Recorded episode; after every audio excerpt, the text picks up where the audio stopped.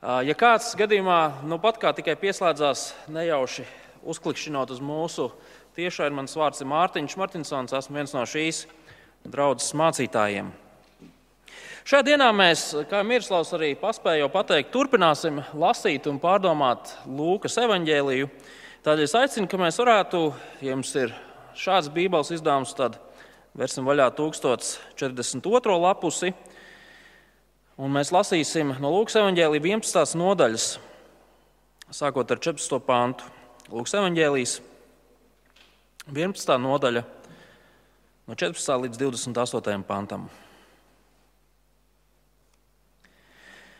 Kādu reizi Jēzus izdzina dēmonu, kas bija mēms. Dēmons izgāja, un mēmais sāka runāt, un ļaužu pūlis brīnījās. Bet daži no tiem sacīja, Viņš izdzen dēmonus ar Belcebula, dēmonu valdnieka palīdzību, bet citi viņu izaicinādam prasīja viņam kādu zīmi no debesīm.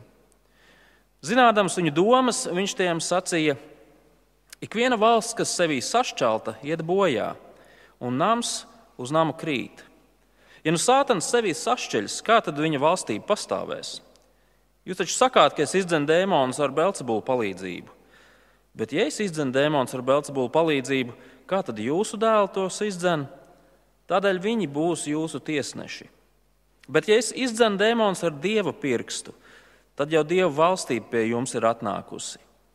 Kamēr stiprs vīrs apbruņojies, sargā savu namu, viņa manta ir drošībā.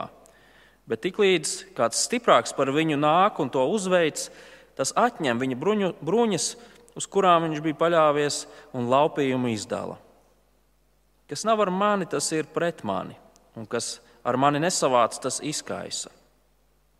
Kad nešķīstais gars ir izgājis no cilvēka, tas apstaigā izkautušas vietas, meklējams mieru, un to neatradis, saka: Es atgriezīšos savā mājoklī, no kur izgāju. Atnācis viņš atrod to izslaucītu un uzpostu. Tad viņš iet un ņem sev līdzi septiņus citus garus, par sevi vēl ļaunākus, un iegājuši tie tur mājo. Un beigās šim cilvēkam kļūst daudz ļaunāk nekā bija sākumā. Kad viņš tā runāja, kāda sieviete ļaužu pūlī pie, paceltā balsī sacīja viņam: Laimīgas tās miesas, kas tevi nesājušas, un krūtis, kas tevi zīdījušas. Bet viņš teica, vēl jau vairāk laimīgi ir tie, kas Dieva vārdu dzird un to pilda. Tas ir Kunga vārds. Pirms mēs aplūkojam šo raksturvietu, lūgsim, lai Kungs arī mums palīdz to saprast. Tēvs, tavu vārdi, kurus nu pat kā lasījām, ir tavi vārdi kurus tavs gars palīdzēja pierakstīt, lai cilvēki varētu būt droši par to, ka Jēzus ir tas, kurš ir nācis dāvāt glābšanu, atdošanu un mieru ar Dievu. Palīdz mums tagad, šajā pēcpusdienā, kad cenšamies šo raksturvietu pārdomāt. Lūdzu, ka mēs atziņu ieguvuši varētu būt stiprināti un šo patiesību izdzīvot savā dzīvē. Amen! Sazvērstību teoriju piekritējus zinātniski skaidrojumi nepārliecinās. Šādu virsrakstu es pirms dažām nedēļām redzēju vienā no Latvijas ziņu portāliem. Protams, pats uh, virsraksts jau pasaka visu priekšā, par ko ir, ir šis rakstīns. Rakstīns ir par to, ka fakti, pierādījumi, skaidrojumi, lai cik zinātniski tie arī nebūtu, nevienmēr cilvēkiem liek mainīt viņu uzskatus un, un uh, pārliecību. Draugi, es jūs nomierināšu. Šajā pēcpusdienā mēs nemēģināsim ķidāt šīs nemaz tik uh, neinteresantās uh, sazvērstības teorijas. Tā būtu, man liekas, gaužām aplamas svētdienas uh, pēcpusdienas izniekošana. Taču jautājums paliek. Jautājums paliek, cik viegli mēs mainām savas domas, un uzskatus un pieņēmumus, ja mūsu priekšā tiek nolikti fakti, skaidrojumi, pamatojumi, pierādījumi. Vai mēs vispār esam gatavi mainīties? Pagājušajā nedēļā mēs iesākām jaunu Lūkas evanģēlijas sadaļu, un šī sadaļa pievēršas vienam svarīgam jautājumam. Nu, kā tad notiek kristieša izaugsme, kristīgā izaugsme, dieva valstības augšana? Pagājušajā nedēļā mēs iepazināmies ar divām māsām, Martu un Mariju, un Jēzus šīm abām māsām mācīja to, cik svarīgi ja tu vēlies augt, ir palikt Dieva vārdā. Rakstīts otrajā daļā, mēs redzējām to, kā Jēzus mācekļi viņiem jautāja, māc mums lūgt. Un Jēzus viņiem mācīja lūgt. Augt par Kristus sekotāju nozīmē palikt Dieva vārdā un palikt lūgšanās.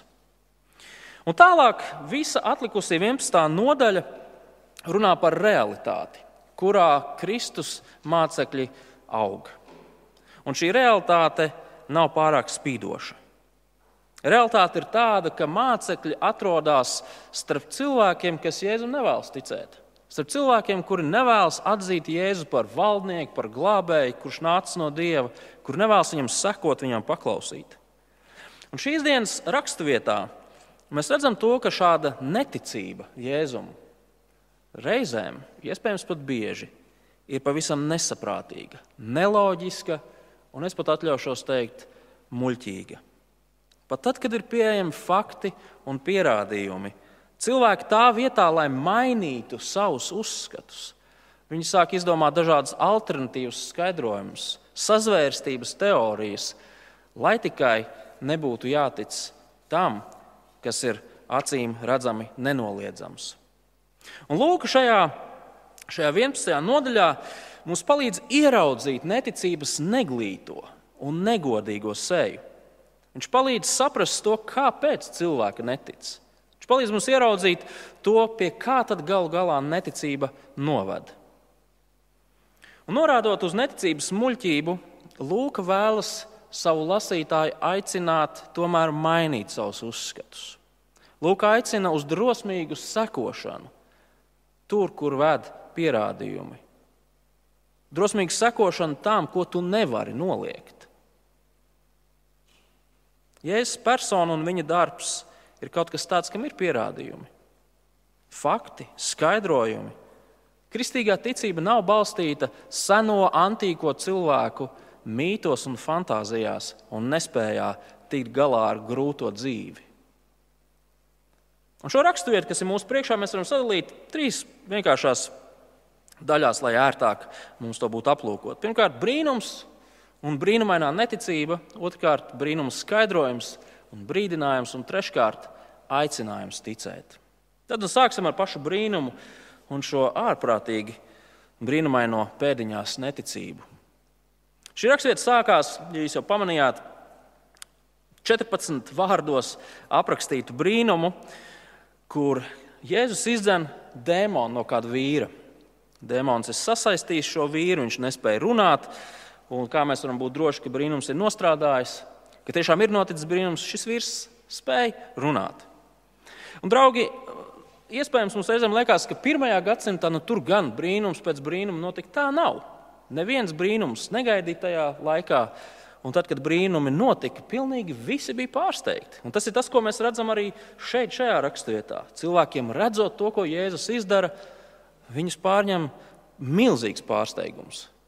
Viņi ir brīnuma izbrīnīti. Taču tā nav vienīgā reakcija, ko mēs šajos pantos redzam. Pūlī mēs redzam vēl divas ļoti izteiktas reakcijas. Skatieties, 15. pantā. Pirmā no tām. Bet daži no tiem sacīja, viņš izdzen dēmonus ar Belcebula, dēmonu valdnieka palīdzību. Es gribu, lai jūs ieraugat to, ka šie klātesošie cilvēki Viņi neviens nenoliedz to, ka Jēzus būtu izdarījis brīnumu. Viņi visi saprot, viņi visi redz, ka tiešām kaut kas ārkārtējs ir noticis. Jēzus darbības rezultātā šis saistītais, mēmais vīrs, mēs sīkākas detaļas par viņu nezinām, bet viņš spēja runāt. Viņš ir normāls cilvēks. Bet Jēzu viņi atzīt nevēlas. Tāpēc viņi sāk izgudrot vis, vistrakākos, vistrakākās teorijas. Jā, ļaudis, skatieties, kas ir noticis. Jēzus ir izglābis šo cilvēku, bet nesteigsimies ātri pie secinājumiem. Jēzus to ir izdarījis ar ļaunā gara palīdzību. Jēzus ļauno garu izdara ar ļauno garu. Redziet, cik viņš ir viltīgs. Ļaudis, nepavilksimies uz šo Jēzus mācībām, neļausim viņām sevi pievilt. Neviens taču nesako šādam vēlna kalpam, vai ne? Cilvēks, kurš ir apņēmies neticēt Jēzum, ir gatavs izdomāt pat visjocīgākās teorijas, lai savu neticību pamatotu. Tie ir pirmie. Otro reakciju mēs redzam 16. pantā. Bet citi Jēzu izaicinādami prasīja viņam kādu zīmi no debesīm. Arī šie cilvēki, ļoti iespējams lieli Jēzus ienaidnieki, viņi nespēja noliegt to, ka brīnums ir noticis. Bet viņiem ar to nepietiek. Viņi izliekas tā, it kā nekas nebūtu noticis, un saka, Jēzu, parādi mums vēl kaut ko. Ziniet, šausmas ir sācies, nevar taču apstāties. Un, ja tu parādīsi mums vēl kaut ko iespējams, tad mēs tev ticēsim. Taču pirms ejam tālāk, mums ir svarīgi saprast, ka šis brīnums, ko Jēzus izdara un ko Lūka pieraksta divu centimetru garā pantiņā, tas nav tāds nejaušs brīnums. Redziet, šis brīnums ir viens no tiem brīnumiem, kas ir vecajā derībā vairāk kārt pieminēti, kā skaidra zīme tam, Ja jūs šo brīnumu redzēsiet, tad ziniet, ka Dievs ir atnācis, lai dāvātu pārsteidzošu, milzīgu glābšanu cilvēkiem. Un viena no šādām raksturvietām ir Iesaistas grāmata. Es atļaušos nolasīt no Iesaistas grāmatas 35. nodaļas, 4. līdz 6. pants, kur pravietis Iesai runā uz cilvēkiem Dievu vārdu. Sakiet izbiedētajām sirdīm, esiet stipras un nebaidieties! redzi jūsu dievs. Atriept viņš nāk, atmaksas dievs, viņš nāk jūs glābt. Tad aklējam atvērsies acis un atdarīsies kurlā ausis. Tizlais tad liekas kā briedis un gavilēs mēmajam mēli. Tad, kad jūs redzat, mēmos gavilējam runājot, tad zinat, ka Dievs ir atnācis, lai dāvātu glābšanu. Un šajā nodaļā Jēzus uzrunā abas šīs grupas, gan pirmos, gan otros. Un šīs dienas raksturvietā Jēzus atbild tiem, kuri ir izvēlējušies sekot teorijai, Jēzus izmanto ļaunos garus, lai izdzītu ļaunos garus. Nākamajā nedēļā mēs vairāk pievērsīsimies tiem, kur pieprasa zīmes, rāda mums vēl. Un kāda tad ir Jēzus atbilde šiem sazvērstības teorijas piekritējiem? Pavisam īsi, draugi, tas ir neloģiski, tas ir absurdi, tas ir nesaprātīgi, tas ir muļķīgi. Skatieties, 17. un 18. pantā. Zinādams viņu domas, viņš tiem sacīja, ik viena valsts, kas sevī sašķelta, iet bojā, un nams uz namu krīt. Ja nu sātans sevī sašķeļas, kā tad viņa valstība pastāvēs? Jūs taču sakāt, ka es izdzenu dēmonus ar Belzebulu palīdzību. Jēzus aicina iztēloties valsti, kurā galvenās valsts amatpersonas, lai, lai piemānītu un uzveiktu savus ienaidniekus, nāk pie ģeniālas stratēģijas. Klausieties, sarīkosim pilsoņu karu mūsu valstī. Panāksim to, ka cilvēki mūsu valstī sāk viens otru slaktēt un galināt, tādējādi piemānīsim mūsu ienaidniekus. Un beigās ar pāri palikušajiem iespējams mums izdosies viņus uzvarēt. Jūs jūtat, ka tas viss izklausās pēc nežēlīgas karikatūras. Pagājušajā gadā es apņēmos nedaudz palasīt grāmatas par seno vēsturi, Persiju, Romas impēriju. Draugi, Maķedonijas Aleksandrs Persijas Kīrs un pat bēdīgi slavenais Huņu Attila. Neviens no viņiem neizmantoja šādu stratēģiju. Izliksimies, ka mūsu starpā notiek pilsoņu karš, un tad mēs uzvarēsim un iekarosim pusi pasaules. Muļķības. Tas tā nestrādā. Jēzus saka, draugi, padomājiet loģiski, ko jūs sakāt. Tas ir pilnīgi un galīgi atgādni, ko jūs sakāt. Turklāt Jēzus norāda vēl uz kādu lietu, vai jūs pamanījāt 19. pantā. Ja jau es izdzenu dēmonu ar Belzebulu palīdzību, kā tad jūsu dēli tos izdzen? Tādēļ viņi būs jūsu tiesneši. Redziet, arī paši jūdi, jūdu vadītāji un viņu dēli centās cīnīties pret ļaunumu. Tiešām no sirds centās cīnīties pret ļaunumu. Ja jau Jēzus kurš acīm redzami gūst uzvaru pār ļauno garu, glābjot šo mēmo vīru. Ja jau Jēzus, kurš parāda, ka viņam ir spēks cīnīties pret ļaunumu, ja viņš tiek nosaukts par vēlna pakalpiņu, Kā nosaukt pašus jūdu vadītājus un viņu dēlus? Kā varā viņi strādā? Kur balstās viņu autoritāte, viņu centieni atbrīvot tautu no ļaunuma? Draugi, Jēzus saka, visa jūsu teorija, viss jūsu skaidrojums, visa jūsu neticība ir absolūti muļķīga, nesaprātīga. Es negribu pārlieku kariķēt neticību. Cilvēkiem, um, par, cilvēki par savas neticības iemesliem min daudzas un dažādas lietas, un reizēm tie ir ļoti nopietni iemesli. Taču šajā gadījumā es gribu, lai mēs ieraugām, ka, ka bieži vien cilvēks ne tikai nevēlas ticēt, bet viņš izdomās dažādos argumentus, teorijas un skaidrojumus lai tikai attaisnotu to, kāpēc viņš nav gatavs ticēt Jēzum. Lai tikai nebūtu jāatzīst acīm redzamais, to, ko neviens, pat Jēzus lielākie ienaidnieki nespēja noliegt. Man ir kāds draugs, kurš sevi sauc par ateistu, cilvēku, kurš netic dievam, un mums gadu gaitā ir bijušas eh, daudzas spraigas sarunas. Un vienā no šām, šīm sarunām es viņam godīgi jautāju, draugs, no kā tu tā baidies? Proti, tu saki, ka dieva nav, taču tāpat laikā tu ar milzīgu dedzību visu laiku lasi grāmatas, kuras iestājās pret Jēzus personu, pret rakstu uzticamību. Tu visu to lasi. Tā ir kā tu mēģinātu kaut ko sevī apklusināt, lai atrastu pierādījumus tam, ka tu vari gulēt mierīgi. Viss šis atgadījums, šis brīnums un tam sekojošā cilvēka reakcija mums norāda uz vienkāršu patiesību.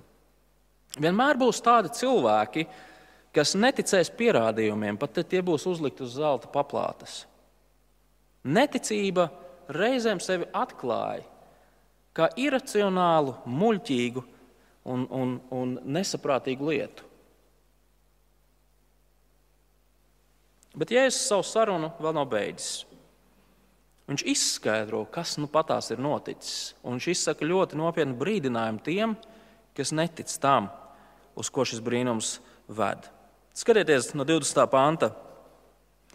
Bet, ja es izdzenu dēmonu ar dieva pirkstu, tad jau dieva valstība pie jums ir atnākusi. Kamēr stiprs vīrs apbruņojies, sargā savu namu, viņa manta ir drošībā.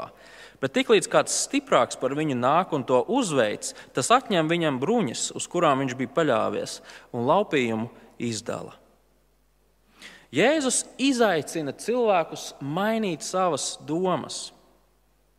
Tas, ko viņi šobrīd redz, ir Dievs, pats Dievs darbībā. Dievs, kurš glābi cilvēkus no ļaunuma, Dievs, kuram ir vara sagraut un vērst par labu ļaunā spēku. Un frāze Dieva pirksts, ko mēs šeit varam redzēt šajos pantos, mēs to pirmo reizi ieraugam vecajā derībā, otrajā mūzes grāmatā, 8. nodaļā. Un šajā 8. nodaļā mūzum ir tādas saudabīgas sacensības, kurš varēs uztaisīt lielāku brīnumu ar vietējiem Eģiptes faraona magiem, burviem un gudrajiem. Un šajā astotajā nodaļā mēs redzam, ka pirmos divus brīnumus, kurus Mozus izdara, arī Eģiptes šie gudrie magi spēja atkārtot.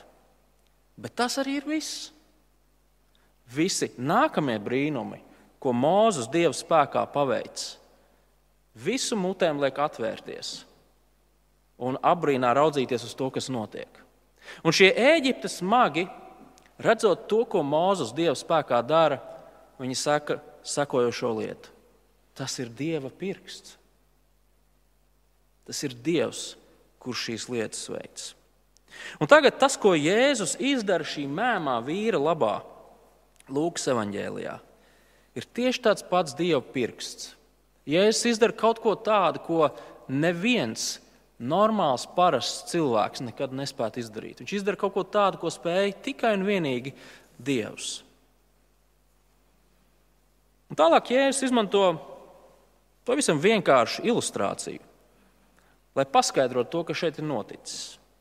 Ir kāds stiprs vīrs, bruņojies, sargā savu, savu mantu, Bet tad atnāk kāds stiprāks, kurš sakauj šo stipro vīru, viņa bruņas iznīcina un mantu paņem un izdala.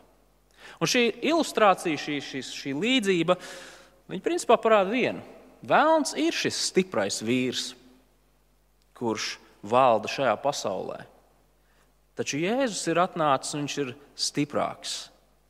Viņš ar, ar, ar nieku, kā nieku viņš uzvar vēlnu viņa spēkā. Jēzus ir šis stiprais, stiprākais vīrs. Viņš pārvar vēlna darbus, viņš sakauj vēlnu bez mazākās piepūles. Lūkam vajadzēja tikai 14 pan, uh, vārdus, lai šo brīnumu aprakstītu. Tur nav milzīga cīņa un nezinu kas. Jēzus visticamākais pateica, izēj, un demons izgāja. Un kas tad ir šī manta, ko Jēzus vēlam atņem? Skatieties uz izglābto cilvēku. Skatieties uz to, kurš bija mēms un nu ir spējīgs runāt. Jēzus vēlam atņem cilvēku, izglābi cilvēku. Bet es gribu, lai mēs saprotam, ka šī, šis brīnums nav vienkārši tāda spēka demonstrācija, kur Jēzus parāda visu savu varenību. Nē, tas ir vēl kaut kas vairāk. Protams, tā ir zīme tam, ka Dieva valstība ir atnākusi. Un tad, kad mēs runājam par Dieva valstību, mums, mēs jau pieņem, mēs visi zinām, ka runa jau nav par kaut kādu geogrāfisku vietu šeit, uz šīs zemes. Mūsu dzimtā tēvī ir Dieva valstība. Nu, mēs neviens tā nesakām pareizi. Pat Izraēla nav Dieva valstība. Palestīnas teritorija ir vienkārši zeme. Tas, ka Dieva valstība ir atnākusi, tas nozīmē, ka Dieva valdnieks ir klāt. Un kā ar savu klātbūtni viņš demonstrē savu varu. Viņš demonstrē savu varu uzvarot visus savus ienaidniekus, pat vislielākos ienaidniekus. Un viņš demonstrē savu, savu varu glābjot cilvēkus. Lūk, Dieva valstība, tā ir darbība, kas balstās Jēzus personā. Reizēm cilvēkiem liekas, ka ticēt Dievam nozīmē atdot savu brīvību. Būt par kristieti nozīmē sekot dažādiem noteikumiem, kļūt par tādu pakalpiņu, kurš staigā visur ar tādu milzīgu bauslības nastu uz saviem pleciem, likumi, noteikumi un tā tālāk un tā joprojām. Un šādam uzskatam ir divas nopietnas problēmas. Pirmkārt, cilvēks šādi domājot, pārprot to, ko vispār nozīmē sakot dievam. Redziet, atzīt Jēzu kā valdnieku jau nenozīmē uh, uzkraut sev nenormālu nastu. Atzīt Jēzu kā valdnieku nozīmē vienkārši iegūt dzīvību caur Jēzus upuri, mieru ar Dievu, piedošanu. Jēzus nāca pie cilvēkiem, jo viņiem bija vajadzīga glābšana. Un tajā brīdī, kad cilvēks saprot to, ko Dievs viņa labā ir izdarījis, tajā brīdī, kad cilvēks saprot Dieva žēlstību, tajā brīdī mainās viņa prioritātes, viņa vērtības. Tas, pēc kā viņš tiecas, pēc kā viņš dzenas, un jā, mainās arī tas, ko viņš grib darīt, kā viņš grib rīkoties. Kristīgā vēsts savos pamatos nav likumu kodeks. Dievs nesaka, sakārto savu dzīvi, un tad es tevi pieņemšu. Pārstāj dzert, pārstāj gulēt ar savu draugu un draugu, ar ko jūs nesat precējušies. Pārstāj melot vecākiem, pārstāj zakt no savu priekšnieka, pārstāj darīt to un vēl to. Nē, draugi. Visa pamatā un visa centrā atrodas Dieva žēlastība, ko viņš parāda saviem ļaudīm. Viņš dāvā atdošanu grēcīgam cilvēkam. Un pēc tam šis cilvēks, kurš ir saņēmis šo atdošanu, sāk mainīties. Un viņš to dara neviegli, bet viņš to grib. Pats pēc brīvas gribas. Otrakārt, cilvēki nesaprot to, ka nesot kopā ar Jēzu, nesakojot Jēzum, viņi nav brīvāki. Nebūt ar Jēzu nenozīmē ieņemt kaut kādu neitrālu pozīciju šajā dzīvē. Un tas mums novada pie nopietnā brīdinājuma, ko Jēzus izsaka 23. pantā. Skatieties, kas nav ar mani, tas ir pret mani. un kas man, ar mani nesavāc, tas izkaisa. Neatzīt un neticēt Jēzum nozīmē būt par viņa ienaidnieku. Tik vienkārši. Tādas lietas kā neutralitāte attiecībās ar Jēzu nepastāv. Tas vien, ka mēs vispār ignorējam Jēzu un viņš var dzīvot mums, kas mums gar daļas gar Jēzu. Šī pasīvā vienaldzība arī nozīmē to, ka cilvēks ir Jēzus ienaidnieks. Tu vari būt vai nu ar Jēzu, vai pret Jēzu. Nav tāda, man vienalga, kas ar to Jēzu.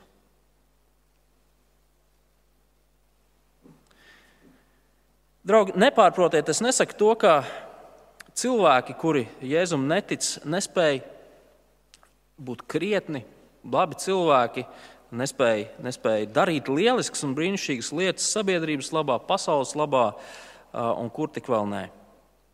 Taču beigu beigās mums ir jāsaprot viena svarīga lieta, ka pasaule nevar kļūt labāka bez dieva. Tas nav iespējams. Neviena filozofija nav svarīga, vai tā nāk no tāliem austrumiem vai no sekulārajiem rietumiem. Šo pasauli nepadarīs labāku. Tā ir ilūzija, tas ir māns. Mēs varam atrisināt lielas problēmas kā cilvēki. Mēs varam novērst badu, mēs varam iemācīt cilvēkiem iegūt pārtiku un ūdeni, mēs varam izcīnīt dažādas brīvības un tiesības, taču beigsim sevi mānīt, sakot, ka bez dieva ir iespējams šo pasauli savest kārtībā. Paradīze bez dieva ir ilūzija.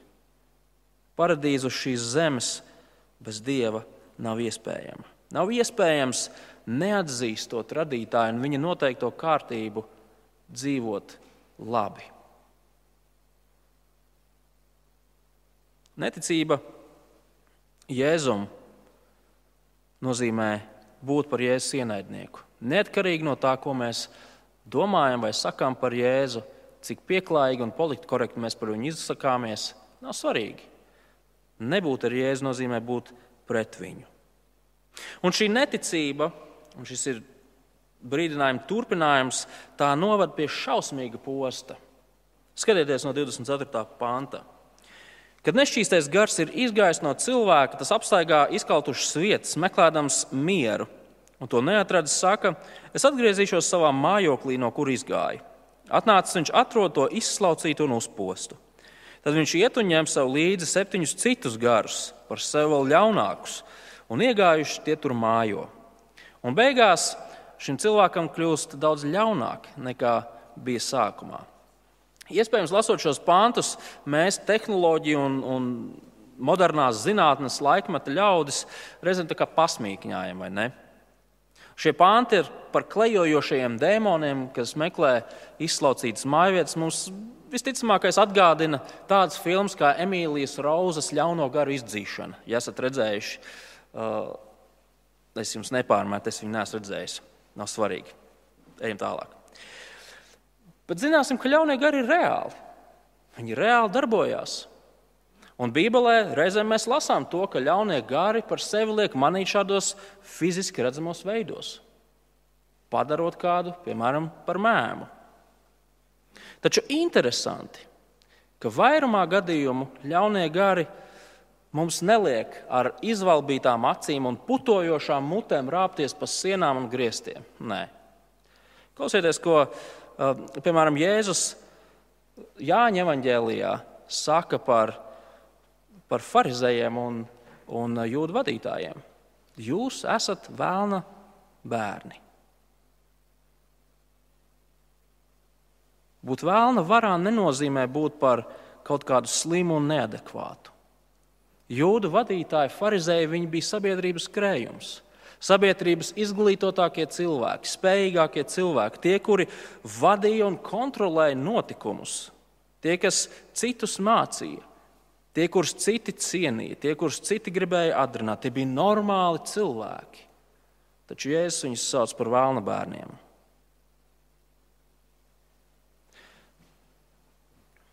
Mūsdienās cilvēki arī pie mums Latvijā cenšas cīnīties par dažādām izmaiņām. Un tie ir izglītoti, krietni labi cilvēki. Tiešām nekāda problēma ar šiem cilvēkiem nav. Viņi ir čakli un centīgi. Viņi vēlas mūsu valsti sakārtot un padarīt labāku. Taču bez Dieva tas nav iespējams.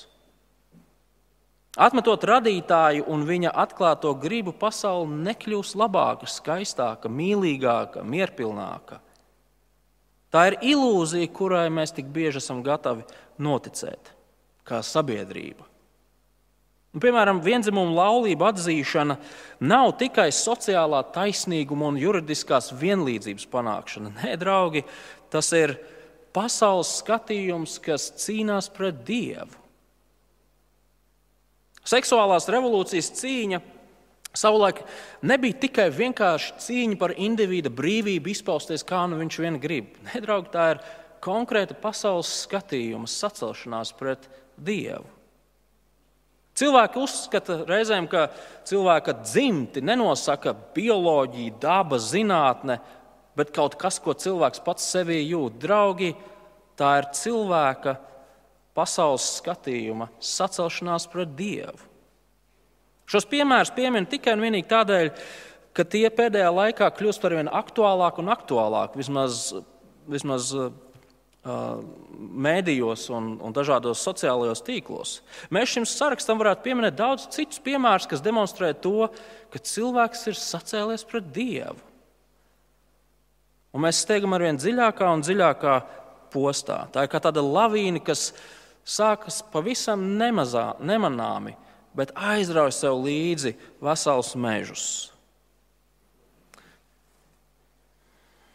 Tas, ko mēs redzam šajā raksturvietā, Jēzus skaidrojumā, Jēzus brīdinājumā ir tas, ka viņš ir atnācis, lai dāvātu cilvēkiem glābšanu. Un savas zemes dzīves laikā Jēzus visiem ļoti acīm redzamā veidā demonstrēja, kas viņš tāds ir, ko viņš ir nācis darīt, kāda ir viņa vara, ka viņam patiešām ir spēks cilvēkus izglābt no ļaunuma, no grēka, no šīs salauztās un, un bojā ejai nolemtās pasaules. Jēzus rāda uz sevi un dāvā cilvēkiem glābšanu. Iedomājieties, ka jums ir nopietnas veselības problēmas, jūs aiziet pie ārsta, un ārsts jums izraksta zāles. Bet viņš šīs zāles izraksta tikai un vienīgi tādēļ, lai jums stāvoklis nepasliktinātos līdz operācijai, kas jums noteikti ir jāveic. Bet jūs, protams, kā praktisks latviečs, sakat, nu, gan jau tas ārsts pārspīlē, gan jau es ar tām zālēm varēšu turpināt dzīvot, un, un, un, un gan jau tik traki nav. Galu galā visiem zināmajā žurnālā tas, ko ārsti jums nesaka, bieži vien tiek teikts, ka nav tādas kaitas, kur nevar izārstēt ar ceļmalu lapu un āpšu taukiem. Es nezinu, vai esat to dzirdējuši, vai tas tikai manā galvā. Um, draugi, es apzināti to kariķēju. Bet es gribu, lai mēs redzam to, ka reizēm ir muļķīgi un ārprātīgi neprātīgi noraidīt to, kas ir acīm redzams un nepārprotams. Tas ir ārkārtīgi bīstami. Ja ārsts mums saka, ir vajadzīga operācija, ir muļķīgi teikt, ka gan jau ceļmalu lapas palīdzēs. Ja Jēzus ir nācis mūs glābt no ļaunuma, grēka un dieva tiesas, ir ārkārtīgi muļķīgi sāk domāt, pamēģināsim, kā mēs to jēzu varam izskaidrot, lai mums viņam nav jāseko. Jēzus brīdinājums ir ļoti nopietns. Jēzus neievērošana, viņa ignorēšana nav vienkārši tāda nevainīga malā pastāvēšana, neutralitāte. Cilvēkiem ir dota iespēja izpētīt to, kas Jēzus tāds ir. Izpētīt viņa personu, izpētīt viņa darbus, skatīties, vai tiešām aiz tā, ko viņš saka un dara, nav kaut kas dzīvībai svarīgs. Jēzus laika biedriem bija pieejami fakti, pierādījumi, skaidrojumi. Mums ir tieši tāpat. Mēs Jēzu fiziski neredzam, bet mums ir pierādījumi, uzticami skaidrojumi par to, kas Jēzus ir un ko Jēzus dara.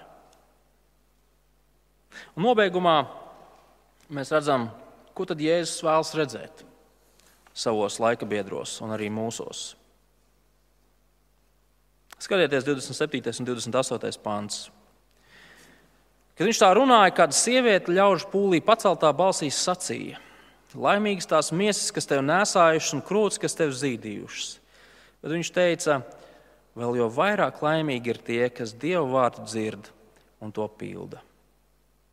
Cilvēcīgi domājot, iespējams, Marija un varbūt vēl pāris cilvēki uh, Jēzus dzīvē bija tie vislaimīgākie. Pareizi. Viņiem bija iespēja tiešām no mazotnes, no pirmajām dienām būt kopā ar Jēzu un iegūt visu, ko no viņa var iegūt. Taču Jēzus pārsteidzoši saka, ik viens cilvēks, kurš Dievu vārdu dzird un pilda, ir vēl svētīgāks ir vēl laimīgāks. Līdz ar to Jēzus mudinājums visiem skeptiķiem, neticīgajiem, sazvērstību teoriju piekritējiem, kaldinātājiem ir pavisam vienkāršs. Klausieties manos vārdos, pieņemiet tos un dzīvojiet saskaņā ar tiem. Un tas pats aicinājums atskan arī šodien. Ja esat kāds, kurš meklē iemeslus, kāpēc neticēt Jēzum, kad par viņu māca, kāpēc jūs to darat, kāpēc jūs meklējat iemeslus? Kāda ir šī iemesla? Kas ir jūsu attaisnojums? Vai tas ir intelektuāls, vai tas ir emocionāls? Varbūt tā ir kaut kāda trauma, ko jūs esat piedzīvojuši. Lielais jautājums ir, vai jūs zināt, pie kā jūsu neticība aizvedīs? Ja es saku, pie daudz lielāka posta, pie daudz lielāka posta. Bet šie vārdi ir jādzird arī mums, kas sevi saucam par jēzus sakotājiem, par kristiešiem, kas vēlas pieaugt savā ticībā. Kā jau sākumā teicu, tad 11. nodaļa apraksta to, kā izskatās neticība. Tā atklāja kontekstu, kurā mēs kā kristieši dzīvojam, kurā mēs kā kristieši augam. Draugi, aicinājums ir nekļūsim par dažādu guru un mācītu skolotāju un gudru vīru, pasniedzēju, profesoru izmēģinājumu trusīšiem. Neļausim, lai viņi izšauba mūsu ticību. Jēzus ir tas, ko viņš par sevi saka. Jēzus dara to, ko viņš par sevi saka. Jēzus dāvās mums to, ko viņš ir solījis dāvāt. Mēs varam būt par to ļoti pārliecināti. Jēzus saka, nevis ticība ir nesaprātīga, akla, muļķīga, bet neticība ir nesaprātīga, akla un muļķība. Nevis ticība ir lēciens tumsā, bez pierādījumiem, bez faktiem, bez loģiskiem skaidrojumiem, bet neticība ir spītīga brišana visdziļākajā miglā. Pat ja pūlis kliedz pretējo, smejas, ķengājas, izņirdz, zākājas, kā mēs to pēdējās nedēļās lieliski varam redzēt Facebook. Mēs varam sevi saukt par laimīgiem, par cilvēkiem, kuriem ir iespēja nonākt Dieva valstībā, par cilvēkiem, kur ir Dieva ļaudis. Tādēļ, draugi, turpināsim turēt drošu prātu un ar pārliecību augt tajā ticībā, kurā mēs šobrīd stāvam. Lūksim Dievu! Labais dabas tēvs, mēs atzīstam, ka ticēt tev nevienmēr ir viegli. Um, Tam ir dažādi iemesli. Reizēm mēs paši uh, jūtam, ka mūs velk kaut kur citur. Reizēm mēs dzirdam dažādas balsis ap mums, pārliecinošas, skaļas balsis ap mums, kas saka, ka ticēt tev ir laika izniekošana. Un reizēm arī vēlns staigā riņķī un mūsos sēž šaubas un bažas. Taču Tēvs, mēs lūdzam, lai Tu mums pāri visam arī šajā dienā palīdzētu atcerēties to, kas mēs esam Tevī. Mēs esam šie vēlnam laupītie ļaudis. Mēs esam izrauti no šīs pasaules bojāējas, un mēs esam kļuvuši par Taviem ļaudīm. To nevar nekas mainīt, tādēļ, ka mūsu glābšana nav atkarīga no mums. Tādēļ lūdzam, lai šajās dienās, kas mums stāv priekšā, mēs arvien vairāk būt pārliecināti par to, ka ticēt tev ir saprātīgi, ticēt tev ir labi, un ticēt tev nozīmē iegūt milzīgus apsolījumu piepildījumus, kas mūs visus sagaida nākotnē. Dod, ka mēs varam būt par to pārliecināti Kristus vārdā. Amen.